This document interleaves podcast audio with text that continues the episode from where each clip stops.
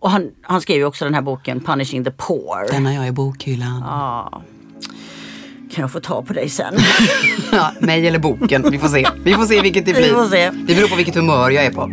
Stashar på tankar, drömmar om att drunkna Tabium på botten under hylsor Stashar på tankar, drömmar om att klättra Transport till idyll och potential Stashar på tankar, drömmar om toppen Gitti på livets kakor, kärlek och gränser Stashar på tankar, drömmar om betongen Kriminella hälsningar Hej och välkomna till Med kriminella hälsningar. En podd om socialt arbete, svåra frågor och obehagliga sanningar.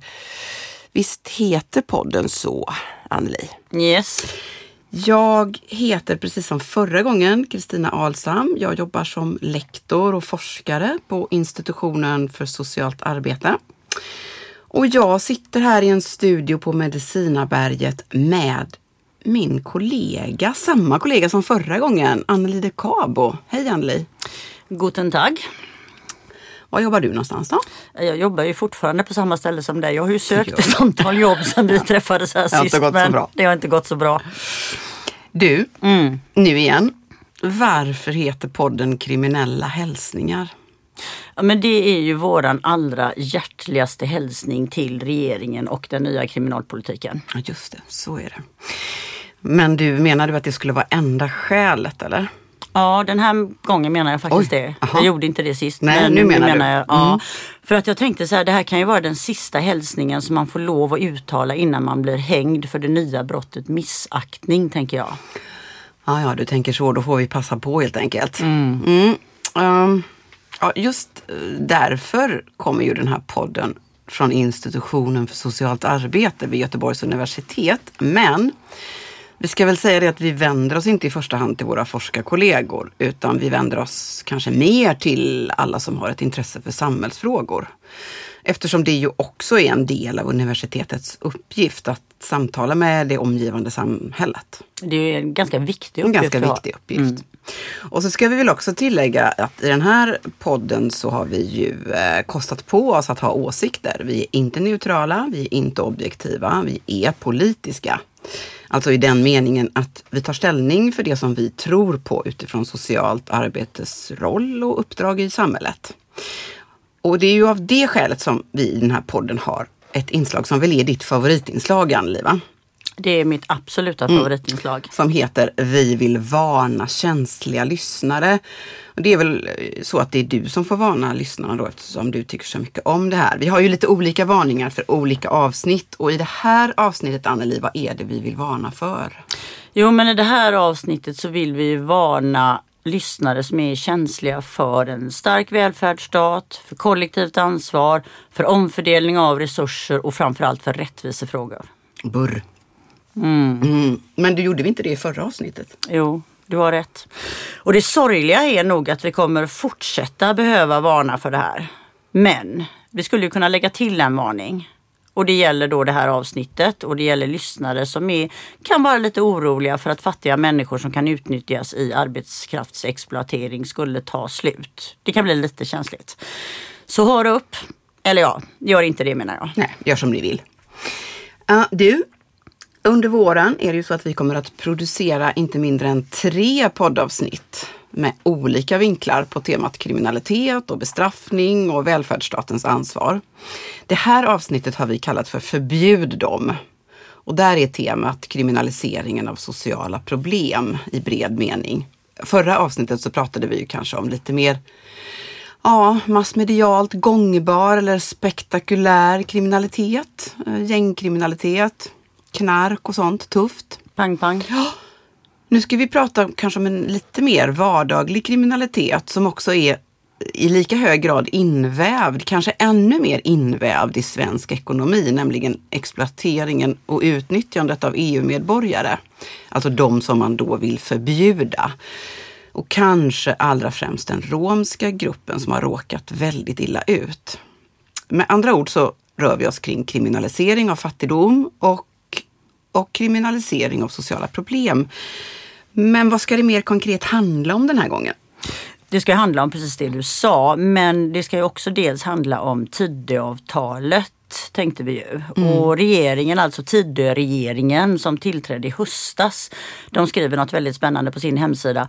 De skriver att Tidöavtalet innebär ett paradigmskifte för nu ska, citat, fusk och missbruk kopplat till arbetskraftsinvandringen stoppas och skuggsamhället bekämpas. Slutcitat. Och de skriver också att personer som saknar skyddsskäl eller inte lagligen har rätt att vistas i Sverige ska ut. Illa kvickt. Ord och inga visor alltså. Ja, alltså det får man väl ändå säga. Det är ju en otroligt kraftfull politik som spottar och sparkar på de allra svagaste. Så det får man väl säga. Det kan kanske Svälte, eh, Sverige vara stolt över. Jag vet inte. Och sen tänkte jag också bara kort, det tycker jag vi ska benämna Kristina, det här med paradigmskifte.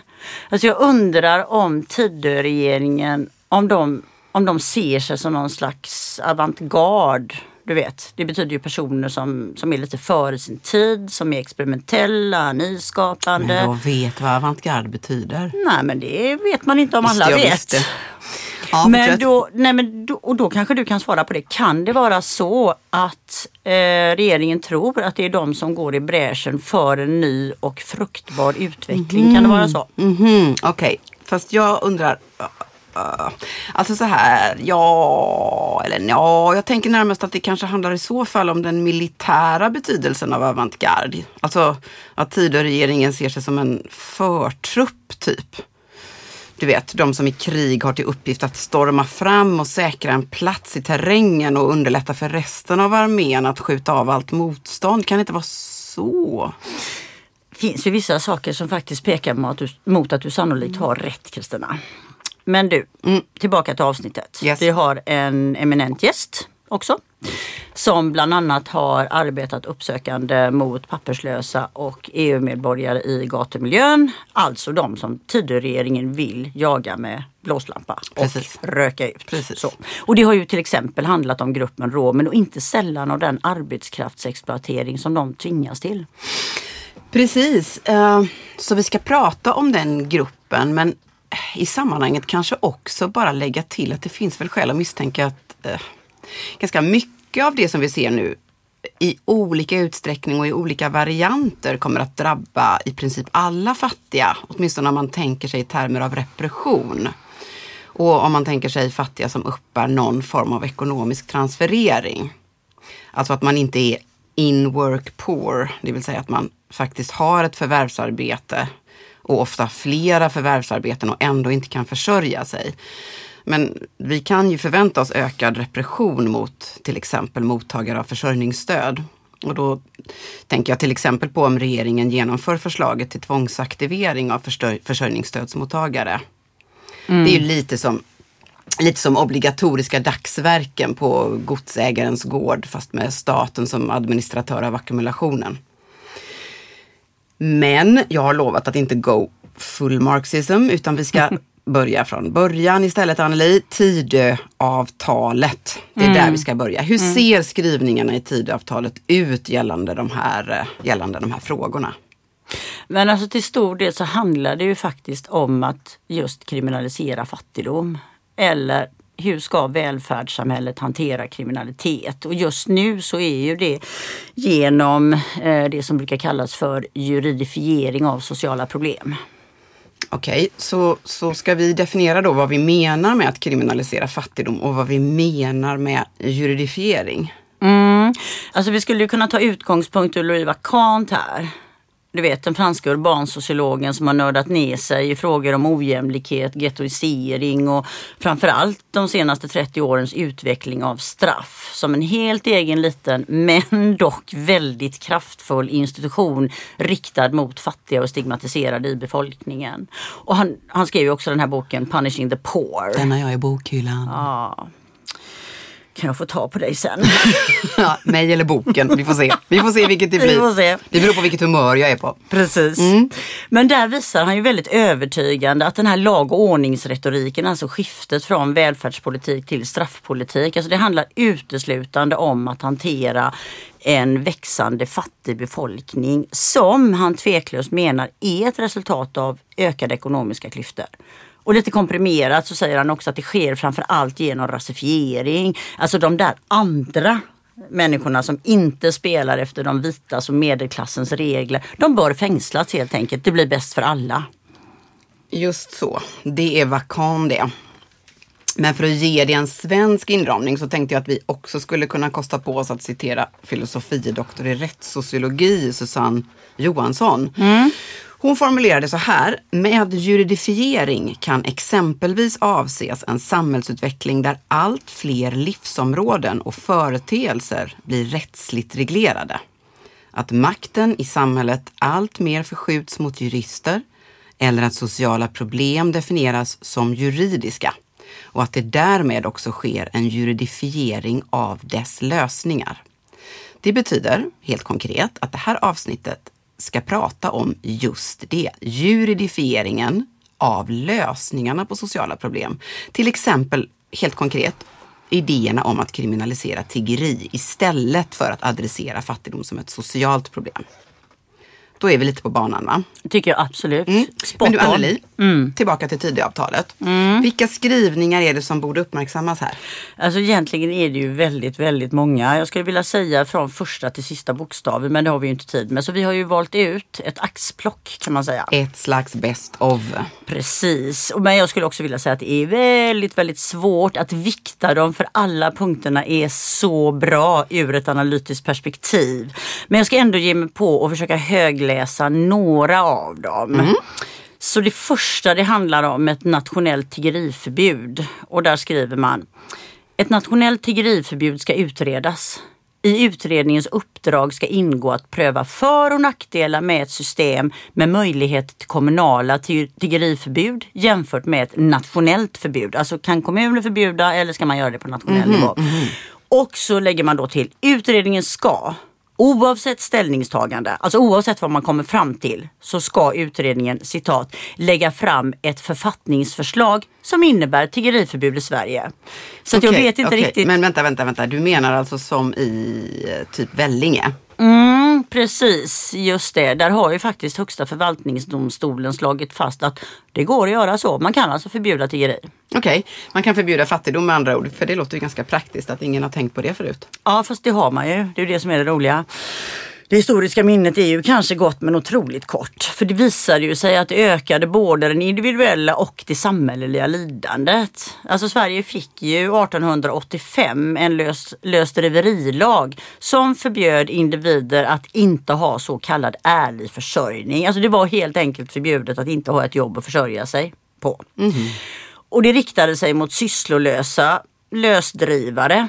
Och här definierade man sysslolös och lösdrivare som citat en som stryker omkring från ort till annan utan medel till sitt uppehälle. Och om man befanns skyldig till lösdriveri så kunde man dömas till tvångsarbete i två år. Mm, det var rådigt. Då kommer jag ju plötsligt att tänka på en annan form av tvångsarbete som Tidöregeringen vill införa, nämligen arbetsplikten för mottagare av försörjningsstöd.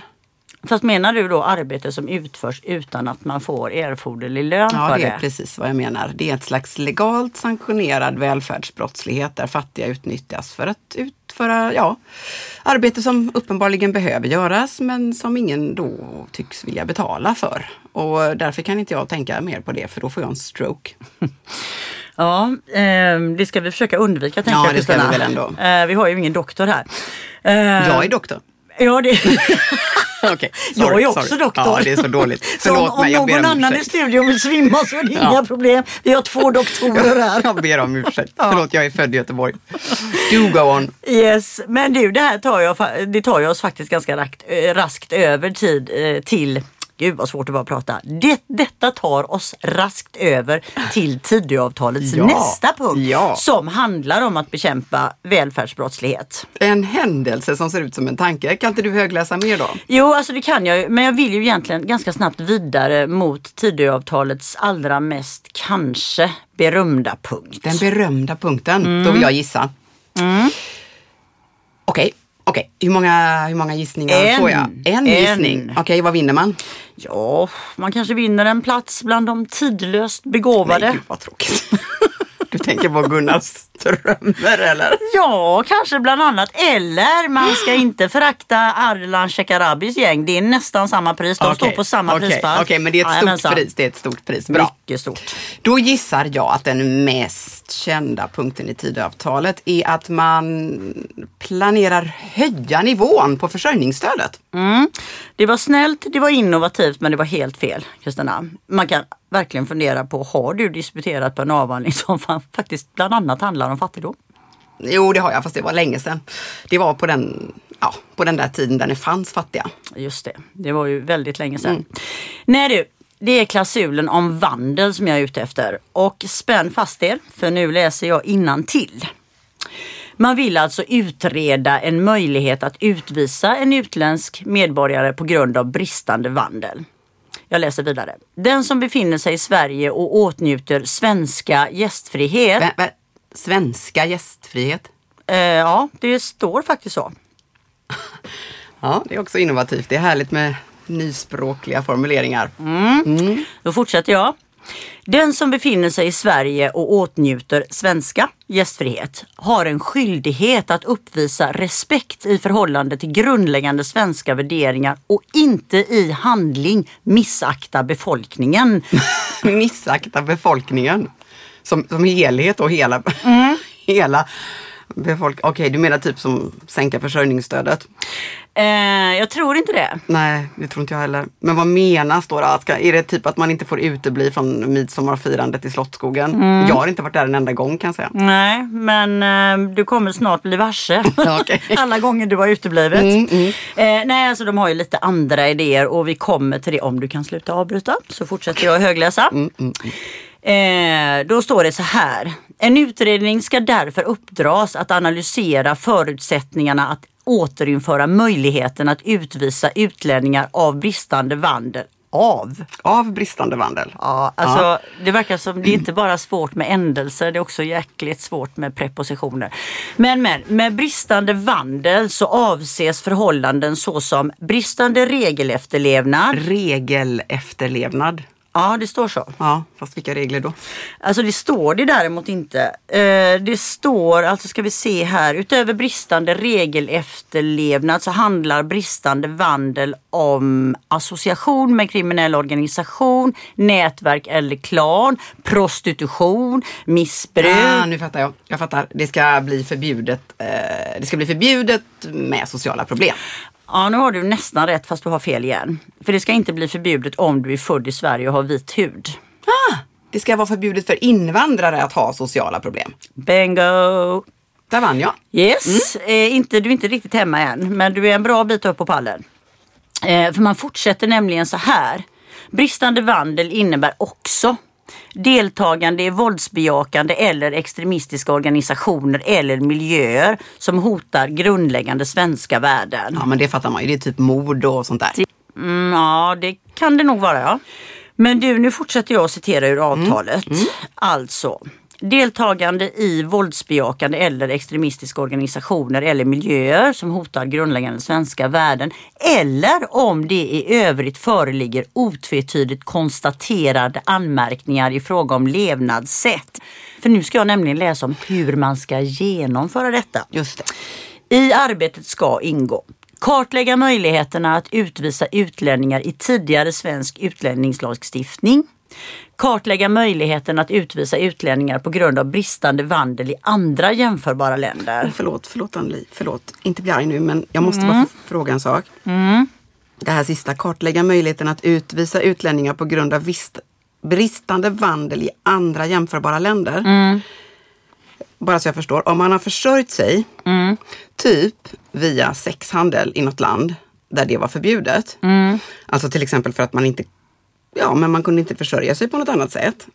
Då, då kan man bli utvisad från Sverige även fast man inte ägnar sig åt prostitution här och även fast det faktiskt inte är förbjudet i Sverige. Alltså jag tycker det är svårt att svara på. Det framgår inte men jag tänker att det rimligen måste vara så. Rörigt. Ja, verkligen. Och sen så tänker jag, jag tänker också så här att om man då försörjer sig genom att sälja sex och dessutom har en missbruksproblematik, är man då dubbel utvisningsbar?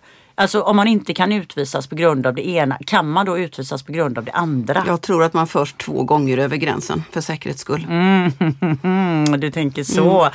Mm, så kan det vara. Men du, får jag bara fortsätta lite grann till Kristina? Mm. Absolut. Ja, absolut, det här blir ju bara mer och mer spännande. Mm, fortsätter jag och citerar.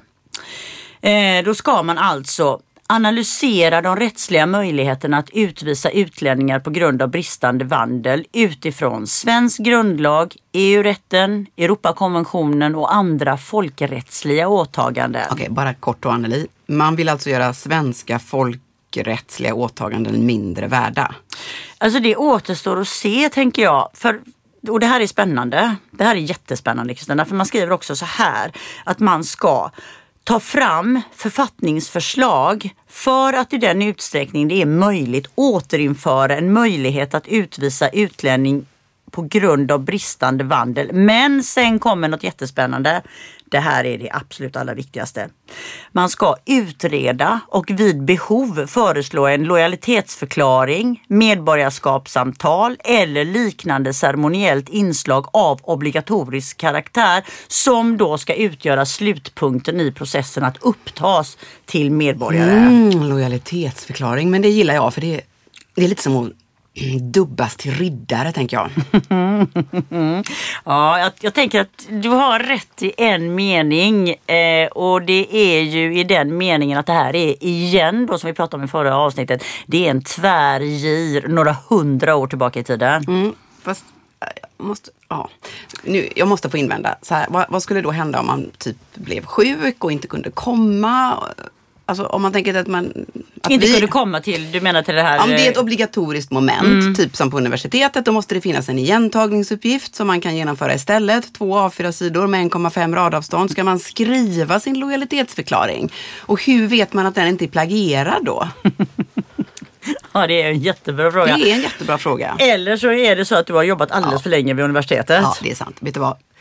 Jag, jag orkar inte med det här mer. Jag blir så fruktansvärt snurrig av detta. Jag, vi får läsa på mer, eller vi får liksom smälta det här Tidöavtalet. För min moraliska kompass den står liksom bara och spinner efter det här korta besöket. Kan inte vi börja prata med vår gäst istället? Ja, men du har helt rätt. Vi släpper detta för stunden. Vi släpper detta för nu. Det är för svårt att utreda.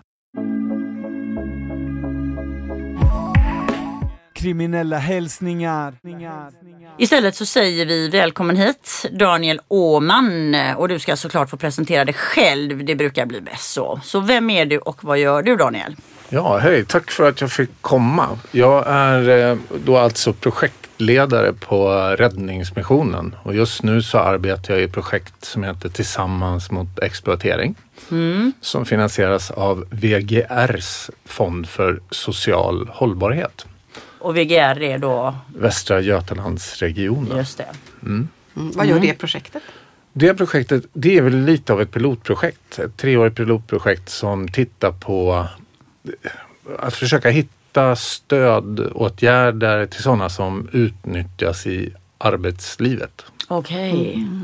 Och, och det, har- liksom, det har ju en historia av, alltså ni pratade om det här med romska grupperna och så här. Alltså jag har ju från ett ganska nyss avslutat projekt, ett större projekt som var inom ramen för Europeiska socialfondens underfond som hette FED som var en fond till som var stöd till de som har det allra sämst. Och en övergripande europeisk fond liksom, med, med nödåtgärder. Och där hade vi under sex år ett projekt som höll på med fältarbete. Och där, det rörde då alla EU-medborgare i Sverige, inte specifikt den romska gruppen. Däremot så hade vi vi hade folk med språkkunskaper och kulturell bakgrund som kunde liksom, vi kunde jobba med ett särskild kunskap om eh, den romska gruppen, den, den internationella eller den europeiska romska gruppen. Det var det projektet som hette På Drom, inte sant? Precis. Alltså, jag ska ju bara innan vi går vidare kan inte låta bli att påminna om att jag en gång i tiden har jobbat som skådespelare. Alltså förlåt, jag kan inte låta bli. Jag har förvarnat Daniel att jag kommer inte kunna hålla mig från att citera vår gamle gode vän William Shakespeare. Eller rättare sagt inte Shakespeare utan hans olycklige danske prins Hamlet. Nu börjar Daniel hosta, han tror att han ska komma undan detta, men det gör han inte. Så här sa prins Hamlet, something is rotten in the state of Denmark. Det hade han ju troligen rätt i. Men nu ska vi prata om Sverige. Så Daniel, hur står det till med fattigdomen i det svenska välfärdssamhället egentligen? Kan du utifrån ditt perspektiv ge en diagnos? Vad händer kring de grupper som du arbetar med? Vilka är de stora problemen eller rörelserna som du ser? Uh, ja, det var vilken härligt öppen fråga. Och stor, Ja. eller hur? Ja. Mm, men vi har Eh, många men, eh, timmar på oss. Jag kan säga liksom inom räddningsmissionen där jag jobbar så har vi olika verksamheter.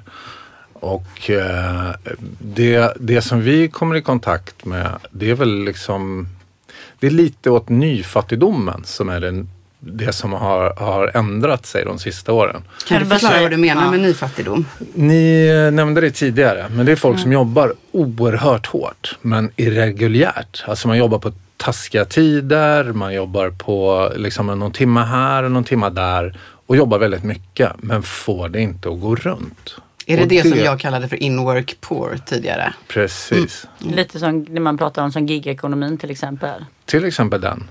Och det, och, så det är ju en annan, det är ett annat spår med gigekonomin och sådär. Vi brukar definiera det, det här med exploatering, med arbetslivsexploatering. Det finns i någon slags zon mellan gigekonomi eller tillfälliga arbeten eller skitjobb Mm, och, och människohandel å andra sidan. Så där mittemellan där finns det ett fält och det, som har ganska suddiga gränser. Mm. Och det som gigekonomin har gjort det är ju att, att liksom på något sätt ge en eh, godkänd stämpel åt vissa typer av jobb som är exploateringsnära. Eller vad man ska säga. Ja. Vi tycker det är okej att någon kör runt på en moppe som de har betalat själv och får liksom några spänn för att lämna ut en pizza. Om den personen kraschar med moppen så måste den betala moppen själv. Och om den blir skadad så står den ofta utan försäkringar. Eller sjuktillhörighet. Liksom, det finns inget som, det finns inga skyddsnät som täcker upp för den. Och det har vi satt ett okej. Av någon anledning. Vi har valt det. Att det. Och jag kan tänka mig liksom bakåt i tiden att som när jag var liten så delade vi ut direktreklam och sådär. Och det är väl på något sätt ett rimligt utnyttjande om man är till början på högstadiet och så f- får man chansa och man springer runt där och delar ut det ena och det andra. Mm, och det är mamma och pappa som står för hyra och mat. Mamma och pappa står för hyra och mat och ramlar du så är du försäkrad på massa olika sätt som svensk medborgare. Men det vi träffar på nu det är ju människor som försörjer sig på det här och springer ett maraton om dagen i trappuppgångar. Och tar liksom 10-12 områden. Och det är, det är ju en skillnad. Och det här bryter ju rätt mycket med idén om arbetet som någonting som tar dig vidare, som leder till ett värdigt liv. Eller där du kan eller du kanske duckar och tar det där tuffa jobbet för du kommer kunna göra det bättre för dina barn. Men det vi ser nu, det är att det inte gör det. Du menar att man fastnar? Man fastnar. Just det.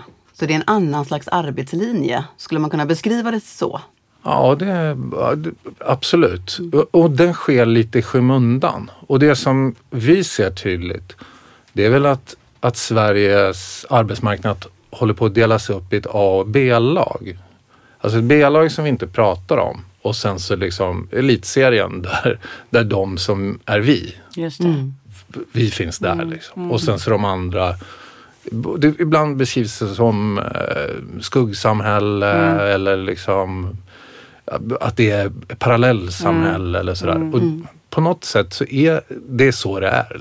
Men är det, det du säger är egentligen Daniel att det är ju eh, de åtgärderna eller den förändringen i sig som har skapat skuggsamhället. För när tidigare regeringen pratar om att de ska utrota skuggsamhället, för det är det de säger, Ja. så ska de alltså utrota någonting som de själva har skapat. Eller från Precis. politikerhållet. Ja. Mm. Ja. Det är ju lite Ja, men det- spännande. Man Ja. uppfinner bisten och sen dödar man den.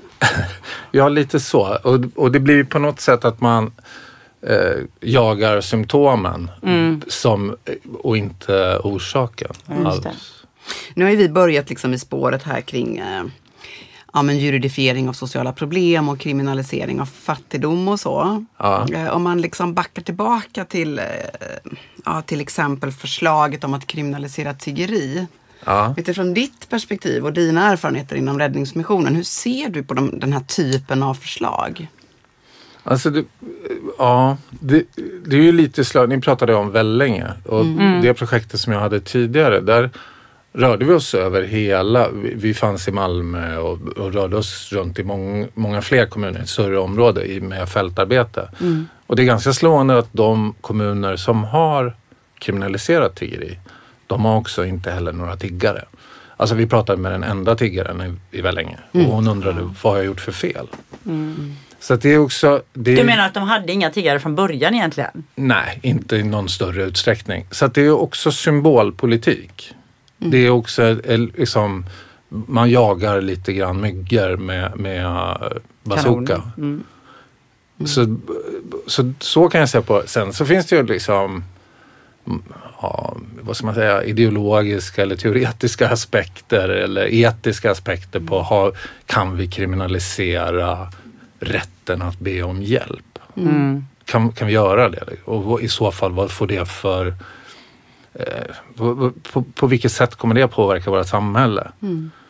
Och sen så ska jag också vilja säga att tiggeriförbud hit eller dit, det verkar inte heller göra riktigt den stora skillnaden som man har tänkt. För Danmark har genomfört det och man genomför det i stor, eh, i stor skala. Liksom. Och det vi hör med danska kollegor i organisationer som motsvarar Räddningsmissionen, det är att ungefär samma människor är kvar, men man eh, håller på med lite andra saker. Att det blir större fokus på panta burkar eller sälja saker och sådär. Så att det har inte förändrat någonting annat än att man slipper se någon som tigger. Mm. Får jag bara lägga till en sak? För jag tänker en, en sån, ett sånt argument har ju handlat väldigt mycket att vi ska förbjuda tiggeriet om omsorg av, för tiggarna. Omsorg, eh, det handlar om omsorg. Eh, Ja. vi, vi kan inte godkänna att människor tigger. Att Ja. ehm, det blir någon slags det handlar om omsorg helt enkelt. Vi förbjuder dem ehm, om omsorg, av omsorg för dem så att säga. Det är inte Ja. människovärdigt etc. etc. Ja, Jag får Ja. inte ihop den riktigt men du Nej. kanske kan reda ut den för mig. Alltså det, runt omkring tiggeriet så har det ju, det har, det har ju funnits fall med, med ganska grava former av utnyttjande. Men väldigt många av dem som vi träffar är vi hyggligt säkra på inte är liksom utnyttjade på något sätt. Så det kommer inte skilja. Sen så finns det gott om eh, internationell forskning som tittar på remitteringar. Så att alltså de pengarna som kommer in, de går oftast till rätt saker. Ja. Tack Men för det du- klargörandet. Eh, Daniel, du har ju vid något tillfälle sagt att eh, så som den dagsaktuella diskussionen ser ut nu, eller debatten, så, så förefaller det som att man hellre vill prata om mm, sådana saker som till exempel människohandel än att prata om fattigdom, alltså när man till exempel diskuterar tiggeri. Kan Ja. du förklara lite vad du, vad du menar med det? Alltså, jag, jag skulle vilja röra mig bort lite från tiggerifrågan. jag tycker inte absolut. den är superintressant och det rör sig inte om särskilt mycket människor. Eh, och när det gäller människohandel så är det, det är ett väldigt allvarligt brott som är, där det finns eh, ganska hårda rekvisit för att uppfylla. Och typiskt sett så är det att någon har hotats, lurats eller, eller liksom fångats för att delta ofta i prostitution. Men det kan vara andra saker och det kan också vara den typen av tvångsarbete. Där finns det internationella konventioner som funkar rimligt bra. Det finns strukturer och där socialtjänst och polis, polisen i Göteborg har, har, tidigare arbetat väldigt innovativt och på ett väldigt humant sätt byggde de upp en verksamhet runt just människohandel och prostitution som hade stor framgång, där man nådde nya människor. Socialtjänsten i sin sida svarar upp bra enligt min erfarenhet. Och eh, det finns också internationella överenskommelser om ett tryggt återvändande. Det finns regionskoordinatorer för, som jobbar med just människohandel. Och kommer man upp till människohandel, då, då funkar systemet på någon basnivå. Men jag anar att det finns ett men här. Männet är, kommer du inte upp till människohandel, då, är det, då rör det exploatering. Och där har vi inte riktigt kommit så långt. Nej. Och exploatering var ju tänkt, det är en egen paragraf sedan 2018. Eh, men vi har bara ett, en fällande dom. Inte mer? Nej. Nej. Och den domen är lite av en örfil. Liksom. Mm, på vilket sätt? Den är väldigt mild. Det var en restaurangägare i Norrköpingstrakten som hade låst in ett par i källaren under hot om utvisning. Kontaktar ni myndigheterna så kommer ni bli utvisade. Eh, de gjorde det ändå till slut och då pekar utredningen på att de arbetade någonstans mellan 5 och 15 kronor i timmen all sin vakna tid och så vidare. Liksom det var ett klockrent fall. Exploateringsparagrafen var tänkt att man skulle bara behöva titta på situationen. Det skulle vara upp, om det är en uppenbart orimlig situation så skulle det räcka. Så att man inte behövde människohandelns stränga rekvisit. Restaurangägaren blir fälld i tingsrätten, helt friad i hovrätten och får dagsböter i Högsta domstolen.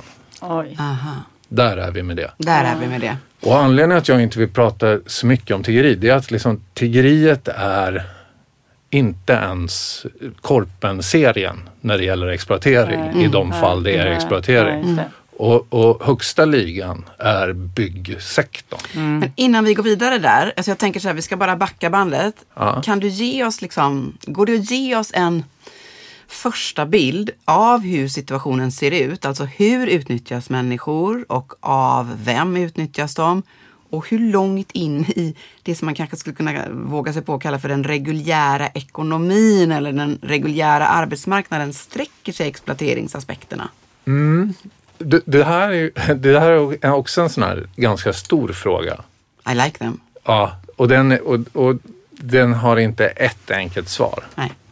Men om man, om man tittar på byggsektorn, är liksom, eller byggbranschen i stort, är den som är utpekad av både fackförbund, av olika statliga utredningar och eh, bygg, alltså de byggföretagens egna utredningar och organisationer som jobbar med det här. Det är, liksom, bygg, det är där de grova pengarna finns. Liksom. Så där har vi den stora och det, det är helt inkorporerat. Alla, den finns överallt på alla byggen. Oavsett om det är helt privata eller om det är statliga eller kommunala kontrakt. Du menar till exempel familjebostäder och så när de eh, engagerar personal? Nej, jag skulle nog snarare säga motorvägsbyggen och nybyggen. Ja. De här riktigt stora. Men, men det finns hela spannet. Mm. Eh, hela vägen ner till villaägare. Ja. Så, så ja, det är den första. Men sen ser vi i restaurangbranschen, i, i transport, städ och gröna näringar. Just det, bärplockning och... Eh, mm. Bärplockning och potatisplockning och alla skörd. Alltså ju närmare ett yrke är att kunna läras på en dag, ju, f- ju, ju lättare är det att det finns, eller ju större chans är det att det finns någon som diskrimineras eh, eller exploateras. Precis, men nu pratar vi om exploatering utan att egentligen definiera vad det är vi menar. Vad är det vi menar när vi säger att någon blir exploaterad? Mm, jag, skulle, jag tycker, alltså definitionen som lagtexten har är ganska bra. Att det är uppenbart, alltså någon slags rimlighetsminister. Alltså att man, det där är uppenbart oskäligt. Det I Danmark så definierar man det som mindre än halva lönen av den gängse. Eh, det är ju ett sätt. Ett annat sätt är att titta på hur mycket jobbar folk liksom. Eller hur, hur blir de rekryterade eller, och så vidare. Eh, Men, men lagtexten är bra. Uppenbart orimliga villkor. Uppenbart orimlig betalning. Mm. Så hur mycket jobbar de då om vi tar ett sådant villkor? Det, är- och, och det är liksom, du, du frågade om det här med vad, hur ser bilden ut? Och det är lite olika i olika branscher. Att, ju- hur ska man säga?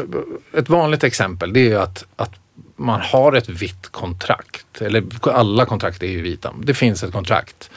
Eh, lönen ser någorlunda rimlig ut men är på fyra timmar om dagen på ett jobb som tar åtta timmar om dagen. Eller du jobbar tio timmar om dagen, sex dagar i veckan. Det är, det är ett vanligt sätt och den är också svår att komma åt om, om det är, säg städjobb. Det är väldigt få människor som liksom bryr sig om städare och de passerar förbi hyggligt anonyma på ett hotell. Till exempel. Får jag bara fråga i relation till det. Eh, jag tänker på Högsta domstolens väldigt generösa tol- tolkning då visavi de, eh, den restaurangägaren som var åtalad. Men jag tänker uppenbart orimlig. Ja. Uppenbart orimligt. Högsta domstolen fastslog att det var uppenbart orimligt men tyckte inte att straffvärdet var Spännande. Mm. Ja, utan straffvärdet var dagsböter medan eh, la- i lagtexten så föreskrivs det fängelse eh, som en möjlig. Okej. Men du, eh, du nämnde fackföreningar eh, tidigare. Eh, för vi, nej men vi tänker lite grann, alltså hur kan den här exploateringen av det här slaget som du beskriver så väl, hur kan det fortsätta och hur står fackföre, fackföreningar i den här eh, problematiken? Ja, de, och de står lite olika kan man väl säga. Eh, vi, har, vi har ju som bekant den svenska modellen i Sverige. Svenska modellen för eh, arbetsmarknad. Som bygger på att arbetsmarknadens parter ska göra upp om vad som gäller. Så vi har faktiskt ganska få lagar som reglerar arbetet. Vi har inget, det finns ingen laglig skyldighet att betala en viss nivå av lön till exempel. Eh, utan det ska avgöras av kollektivavtal.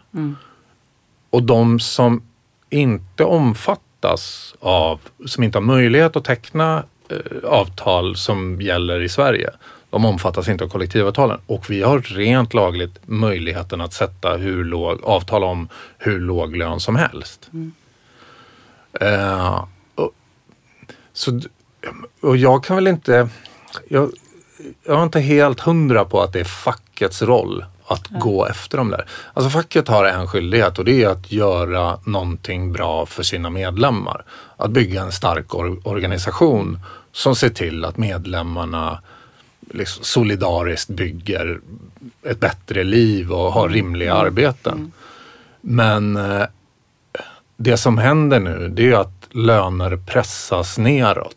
Ja, för jag tänker, borde det inte vara en fackfråga, åtminstone långsiktigt? För att om man tänker sig att vi får allt fler exploaterade arbetare på Ja. arbetsmarknaden, innebär inte det att, så att säga, reguljära vita löner också kan pressas neråt? Jo, det, så kan man ju tänka. Eh, och, och, och så är det väl antagligen. Och, och, men risken är ju att då att, att liksom fackföreningarna hamnar någonstans runt att man ser om sina medlemmar men låter andra falla.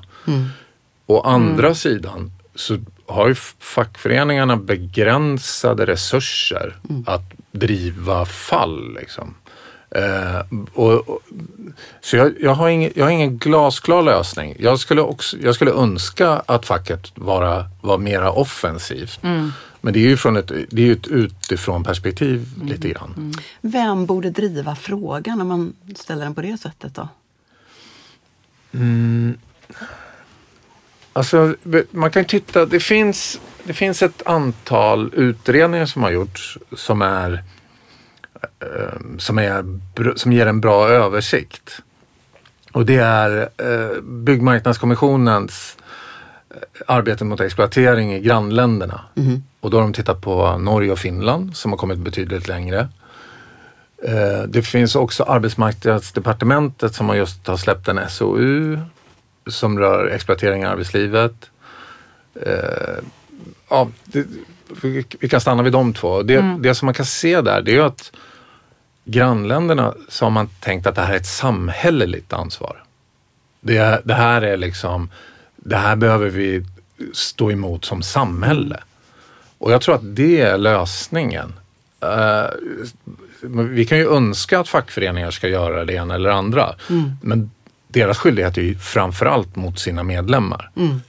Eh, och sen som samhälle så borde det vara att vi markerar mot en verksamhet som vi inte tycker är okej. Det, här, det här verkar inte rimligt liksom, att ha det på det här sättet. Det verkar inte rimligt att vissa ska halka så långt utanför. För du har vid något tillfälle sagt att ett, problem, ett, ett av problemen just handlar om gråzoner. Att Mm. de verkar finnas för många sådana. Till exempel myndigheter som polisen eller socialtjänsten inte riktigt har hittat sätt att navigera i de här gråzonerna. Och jag, jag bara funderar på vad det betyder mer konkret. Ja, eh, det som det betyder mer konkret det är att en, en, en vanlig polis, om, om, någon har blivit alltså kriminellt utnyttjad, om du har blivit exploaterad på arbetsmarknaden så är du ju liksom de facto brottsutsatt. Ja, just det. Om du går och anmäler det här till en vanlig polis. Så att säga, ja, det här företaget som är ett utstationerat från ett annat land med en beställare som är från ett tredje land och har en arbetsplats i Sverige på ett kontrakt från ytterligare ett fjärde. För, det, då kommer, det kommer inte att... Det krävs för mycket kompetens för att dra i en sån fråga. Är, är det här, är det arbetsmarknad och sådär? Och då blir det en gråzon. Är det en arbetsmarknadskonflikt eller är det människohandel? Ja, det verkar inte vara riktigt människohandel. Killen som anmäler ser hel och ren ut. Han verkar inte vara livrädd. Föreligger det något, något direkt hot? Nej, verkar, och vi hör av oss. Och då hinner det gå två månader och de flesta kommer inte att fortsätta driva det här. Liksom. Men, Så det är en typisk gråzon. Är, är det ett brott eller en arbetsmarknadskonflikt? och då fastnar det så att säga. Det händer fryser. ingenting. Nej. Det blir en pyspunka på det. Men eh, jag tänker att ni möter ju väldigt många av de här människorna som faktiskt har de här erfarenheterna och ni är en respekterad organisation, ni har ett väldigt gott renommé. Eh, hur blir, eller hur hanteras de problemen som ni lyfter? För det kan jag tänka mig att ni gör i olika sammanhang. Ja, eh, det är ju det, är lite, det här arbetet har väl varit både trögt men samtidigt lätt. För det är, det är mycket i ropet och det är få frågor som jag har sett ett sånt konsensus om. Åtminstone i, i liksom ord. Det är, alla är överens om att det här är inte bra. Det, är- det är inte bra att det dör eh, underbetalda byggarbetare på stora statliga bygg, arbetspla- stora statliga kontrakt liksom i Sverige. Det är inte bra. Och det är inte bra att, att människor hålls kvar i fattigdom. Vi, vi, alla är med om det. Sen åtgärderna, det är, där skiljer det sig lite. Vem ska ta det? Facket säger vi till för våra medlemmar.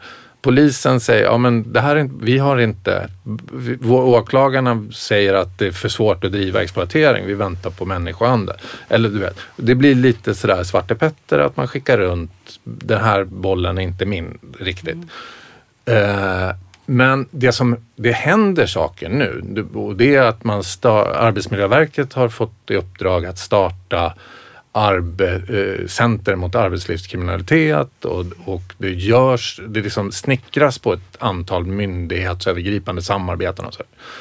Problemet som vi ser det, och där kommer trögheten in, det är att hittills så är det få eller inga insatser som jobbar utifrån eh, brottsofferperspektiv. Det, alltså det finns inga direktiv som säger att vi ska ta tillvara på de som har blivit utsatta. Vad skulle det betyda om man applicerade ett brottsofferperspektiv? Vad skulle det betyda för frågorna? Eh, det skulle betyda att man fick mycket mer information om bara hur, hur exploateringen går till. Var rekryterades du? Hur, hur, hur har betalningen skett och sådär. Eh, men som det är nu så är det så försvinner brottsofferperspektivet ganska snabbt. Ni pratar om grupper och vi har pratat om EU-medborgare. EU-medborgare har ju liksom full rättighet. Precis, vi har ju också rätt att åka till Tyskland och jobba om vi vill. Liksom och sådär. Så de har full rätt att vara här såvida man har ett arbete. Eh, andra grupper har inte rätt att vara här och då blir de hemskickade. Eftersom brottsofferperspektivet kanske inte är det liksom första som de myndighetsövergripande insatserna är riktat mot. Eh, och det finns ju det finns olika exempel på all, där man har där gränspolisen följer med och gör ett tillslag mot bärplockare som är flygna hit från Thailand. Eh, och där man konstaterar att det finns inga rättigheter att vara här och arbeta så flygs hem igen. Och det blir på en gång väldigt svårjobbat, både som människohandel eller exploatering, om vittnena befinner sig i en annan världsdel. Mm. Det här är med andra ord ett, ytterligare ett argument för varför det kanske inte är så listigt att kriminalisera brottsoffer. Ja, det, ja, det skulle jag verkligen säga. Och, och sen, ja det, det är det, det, det är konstigt att det är ett brott som man vill beivra men där man inte lyssnar på brottsoffren. Och sen har Sverige också fått kritik, internationell kritik, för just det här, det bristande brottsofferperspektivet. Och det är att när man har ett brott som är allmänt åtal, säg barnmisshandel, så är det inte upp till barnet att bestämma om, om den har blivit misshandlad eller inte. Och det har Sverige också fått kritik för, att man inte um, identifierar det här autonomt. Liksom. Om en polis eller en arbetsmiljöinspektör är på en arbetsplats och ser att de här, det här verkar uppenbart, or, det här är orimligt. Det här är uppenbart oskäliga villkor. Så skulle man lämna in, då skulle en anmälan lämnas in oavsett vad, de, vad brottsoffren. Så det finns ytterligare ett lager på det där. Så b- både att man inte lyssnar på brottsoffren men också att man inte identifierar brottsoffer självständigt. Just det. Så nu kan man som brottsoffer ta tillbaka sin anmälan och säga jag tänkte fel. Jag har i själva verket varit här ytterst frivilligt. Jag är himla nöjd med min lön. Och då Ja. säger man okej, bye bye. Precis. Spännande tänker jag. Ja, Eh, jag tänker på en annan sak ja, och, som, som vi lite liksom kanske var inne på för en stund sedan. Men bara för att förtydliga det, alltså det här som du pratar om ibland som handlar om brist på länkning och samarbete. Det kanske rör lite de här, den, här, den här gråzonsdiskussionen som vi hade tidigare. Alltså att ni som organisation har potential kanske att hjälpa betydligt fler än idag. Men ni har rikt, kanske inte riktigt någonstans att slussa presumtiva klienter vidare. Att det är, på något sätt är institutionellt lite tomt. Och jag undrar om du skulle kunna ge oss en bild av det. Mm. Och det har väl att göra med det där att, att liksom för att som människohandel så, så finns det klara direktiv och det finns kanaler för hur man anmäler och vad som händer när man har anmält och vilket stöd det finns att, att liksom uppbringa. Medans de som finns i gråzonen, och det här kan också röra eh, det här rör även prostitution. Alltså att det finns kvinnor som utnyttjas i prostitution som är inte liksom, det går inte riktigt att bygga fall för att det är så här grått eller vad man ska säga. Och där lever vi väl inte helt upp till Ja, det, det finns inte jättemycket insatser. Och samma sak med, med när det gäller den här exploateringen. Går det att bygga ett fall?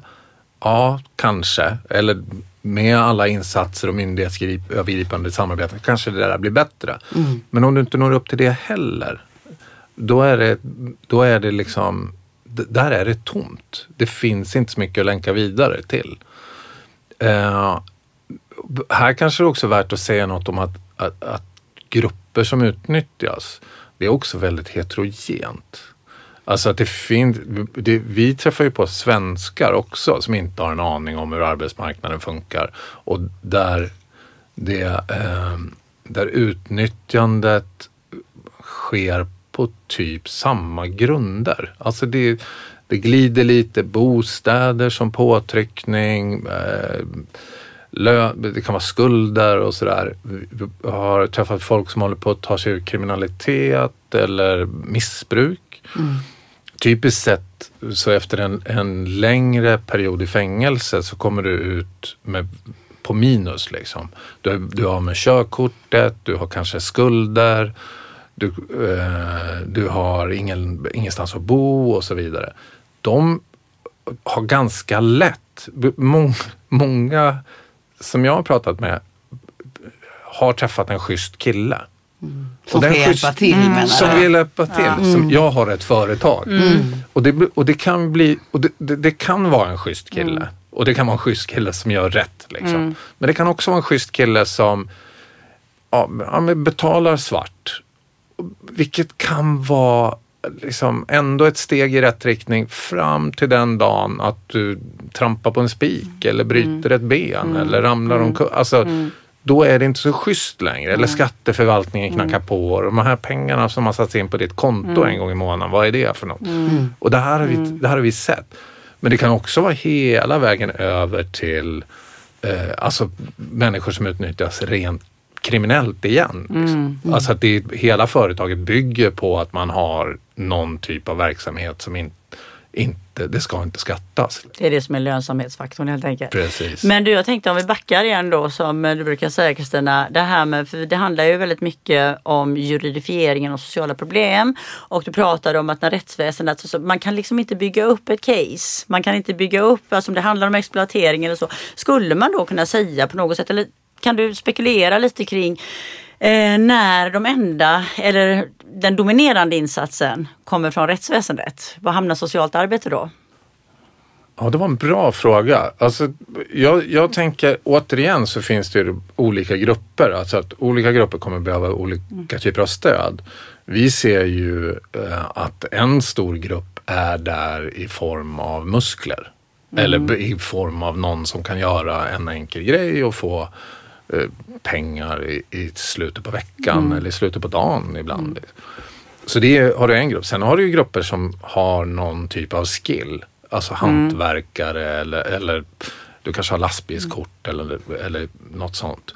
Och då är du lite i en annan situation. Eh, När det gäller socialt arbete med de som är allra mest utsatta. Då handlar det ju det, det, det handlar ju om det där löjliga ordet empowerment. Men liksom att ge folk tillgång till sina resurser och att, att ge folk andra vägar ut. För vi, vi började ju den här diskussionen någonstans med, med tiggeri som ni tog upp. Och vi var ju lite grann offer för våra egna fördomar kan man säga. Att vi tänkte också på folk som tigger. Trots att vi, bör, vi pratade om oss att liksom vi, vi måste kunna se på folk som människor. Tiggeri är någonting, tigga är någonting man gör och sådär. Men det dröjde många år innan vi började fråga folk hur har du försörjt dig tidigare i livet? Och, och folk, väldigt många av de som vi tänkte på som tiggare var i själva verket, det var en möjlig inkomst bland många andra. Och den bilden som vi har fått det är väl snarare att det är en stor mobil arbetskraft i Europa. Och där man rör, alltså om, om, tigga, om tiggeri på gatorna i Sverige minskar så har det mindre att göra med våra åtgärder mot det och mer att göra med arbetsmöjligheter i, i södra Europa som i sin tur har mer att göra med Frontex.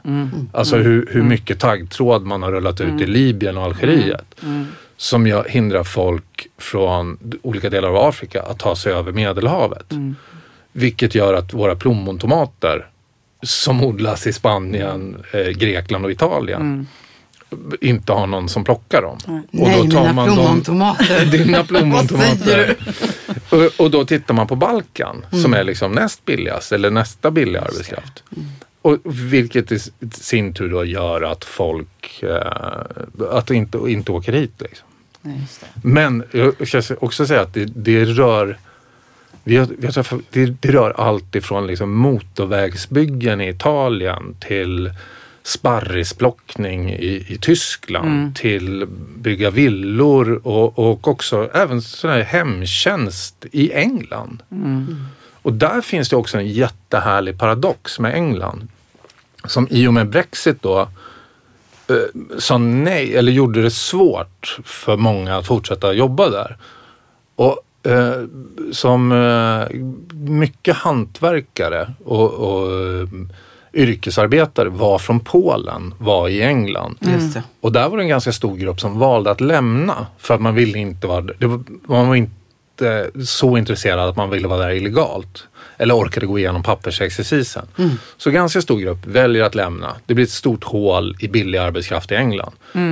Varpå f- vi ser en tendens att människor som vi har varit i kontakt med under lång tid som kommer företrädesvis från östra Europa ringer och så här, jag har fått jobb i England på slakteri. Liksom.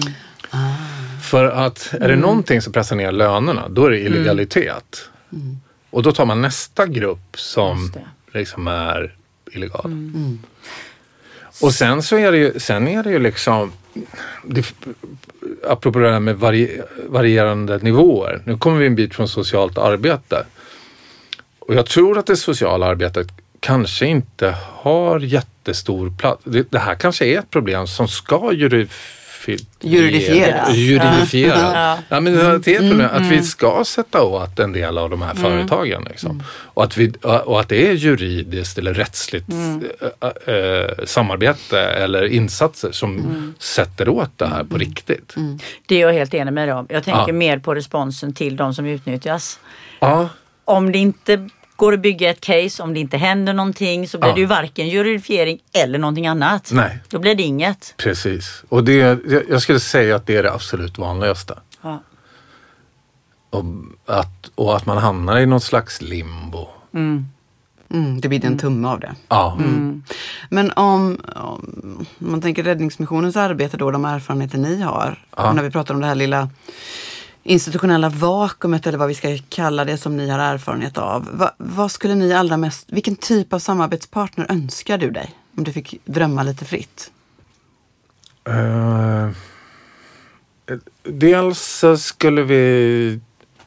Dels tror jag att vi skulle behöva ha eh, kanske lite så här socialt engagerade företag Mm. som ger folk en chans. För vi, dels har vi grupper som är som bara som kan bara fortsätta jobba nästa dag. Människor som har någon form av skill och som kan bara ta vid men få i schysstare Med drägliga villkor. drägliga villkor och okej löner. Liksom. Eh, förutsatt att någon pratar engelska kanske. Det, det, är den ena, det är ena grejen. Och sen så har vi de som står längre från arbetsmarknaden. Och då skulle man behöva hitta någon mekanism med, med människor där det kan läras upp och där man kan fångas. Alltså till exempel kvinnor som under lång tid varit utnyttjade i prostitution eh, kan behöva ha en annan typ av stöd för att ta sig in i arbetsmarknaden som, och som kompar också med, att, med, läkande insatser eller terapeutiska insatser och sådär. Och där, där man stödjer vägen in till ett självständigt liv, liksom, eller mer självständigt liv. Så det, det skulle jag önska. Och sen skulle jag önska också att eh, socialtjänsten var lite mer på tårna och arbetade kanske lite mer laborativt. Vad menar du med det? Alltså att man tar lite risker som egentligen inte är jättemycket risker. Det finns en, det finns en betänketid som eh, betalas av Migrationsverket för människor som, som eh, har varit utsatta och, och som går att utverka. Där man får en månads mm, Liksom, man får tillfälligt uppehållstillstånd. Ja, och- efter att jag har anmält. Nej. Nej. Utan det kan en enskild socialsekreterare göra. Och det är inte helt implementerat i hela Sverige. Det är några kommuner som har börjat göra det och sådär. Men det går, det går lite trögt. För att det är, liksom, det är lite ängsligt eller det kanske har kommit lite signaler någonstans ifrån. Att det här kanske inte är det vi ska göra nu eller sådär. Jag vet inte vad. Men en sån insats kan Ibland är det bara en lucka på en dag eller några timmar i några fall där någon är så här, "Men jag måste ta mig ur det här. Eh, Du vill se en socialtjänst som är lite mer på tårna lite mer på tårna och tar lite risker. Liksom. Och, och det är inte, I det här fallet så är det inte ens en särskilt stor risk. Så det, det skulle jag vilja se och att, att man använder socialtjänsten mera strategiskt. För att när någon befinner sig i en relativt trygg miljö så har den också större chanser att göra vettiga val. I relation till det då så måste jag bara fråga, när vi talades vid en annan gång vid ett annat tillfälle ehm, så nämnde, vi det, eller nämnde ni det här med att när EU-medborgare till exempel eller alltså personer som inte är stadigvarande bosatta i Sverige, eh, vad händer när de söker bistånd via socialtjänsten? Eh, alltid avslag. Just det. Men, och, och, och, och det är liksom, så ser det juridiska ramverket ut. Alltså, Vi har fri rörlighet förutsatt att man inte ligger det andra landets eh, sociala skyddsnät till last. Eh, så det, så det, är, det är som det är. Liksom. Men det som är tråkigt där det är ju att många inte ens får en prövning. Nej. Så det finns en hand som bjuder in och är omsorgsfull och den andra som motar ut lite, samtidigt. lite så. Ja. Och, det, och det är ju... Alltså, man har fulla rättigheter förutsatt att man kan försörja sig. Och, och det taskiga blir ju i de här fallen när någon både har varit ett exploaterat arbete, råkar ut för någonting och söker någon form av stöd. Då innebär det att den också inte har någon inkomst, vilket också är ett medgivande av att den inte har rätt att vara här. Just det. Lite grann inne på det här med försörjning, lösdrivilagen 1885. Precis. ja, precis. Anneli, Mm. eh, det är min smärtsamma plikt att meddela att klockan går. Mm. Det vi önskar är- man ju att den skulle sluta göra, Det- i alla fall någon gång. eh, skulle man önska att den ville göra, men Mm. den vill inte det. Och Därför så vill ju vi båda två rikta ett väldigt varmt Ja. tack till Daniel Åman ifrån Räddningsmissionen för att du kom hit och benade lite de här. Ja, jag vet inte hur mycket klarare det blev. Det blev Allt otroligt mycket klarare. Och vi ska väl också säga, nu riktar vi också alla företagare med socialt hjärta och ansvar, hör upp. Ja, tack så mycket. Tack för att jag fick komma. Tack själv och Anneli, vi har ett avsnitt kvar denna vår, inte sant? Absolut. Kan inte du berätta vad det ska handla om? Nej men det ska ju handla om, det heter ju Straffverket och den gode fången och då ska vi dyka ner i kriminalvården. Då ska vi diagnostisera kriminalvården idag och det ska vi göra med hjälp av en gäst. Och vad är det för gäst? Det är ju den fantastiska, måste jag faktiskt säga, det låter som man ska introducera en filmstjärna men det ska jag inte. Nästan, va? Nästan. Det är Birgitta Göransson som kanske har, är den i Sverige skulle jag nog säga, som har eh, mest och längst erfarenhet av kriminalvården och framförallt hur kriminalvården har utvecklats och förändrats. Och det ska vi Just prata det. om. Det pratar vi om i avsnitt tre med andra ord. Vad vi Precis. Mm, ser fram emot det. Nu ska vi vinka i mikrofonen. Vi ska väl säga avslutningsmeningen också? Ja, och vilken är avslutningsmeningen? Nej, men Kommer den inte är riktigt ju- ihåg den. Nej, var det någon påminna. gammal tv-deckare som vi var förtjusta i? Ja, våran kompis Baretta där var det väl va? Nu kommer jag ihåg. Får jag säga det den här gången? Absolut. Don't do the crime if you can't do the time. Visst var det så? Det var så. Nu vinkar vi. Gör vi. Hej då, Hej då. vi ses i avsnitt tre. Stashar på tankar, drömmar om att drunkna Tabium på botten under hylsor. Stashar på tankar, drömmar om att klättra. Transport till idyll och potential. Stashar på tankar, drömmar om toppen. Gitti på livets kakor, kärlek och gränser. Stashar på tankar, drömmar om betongen. Kriminella hälsningar. Fler poliser som ska vara poliser, eh, men också tuffare straff.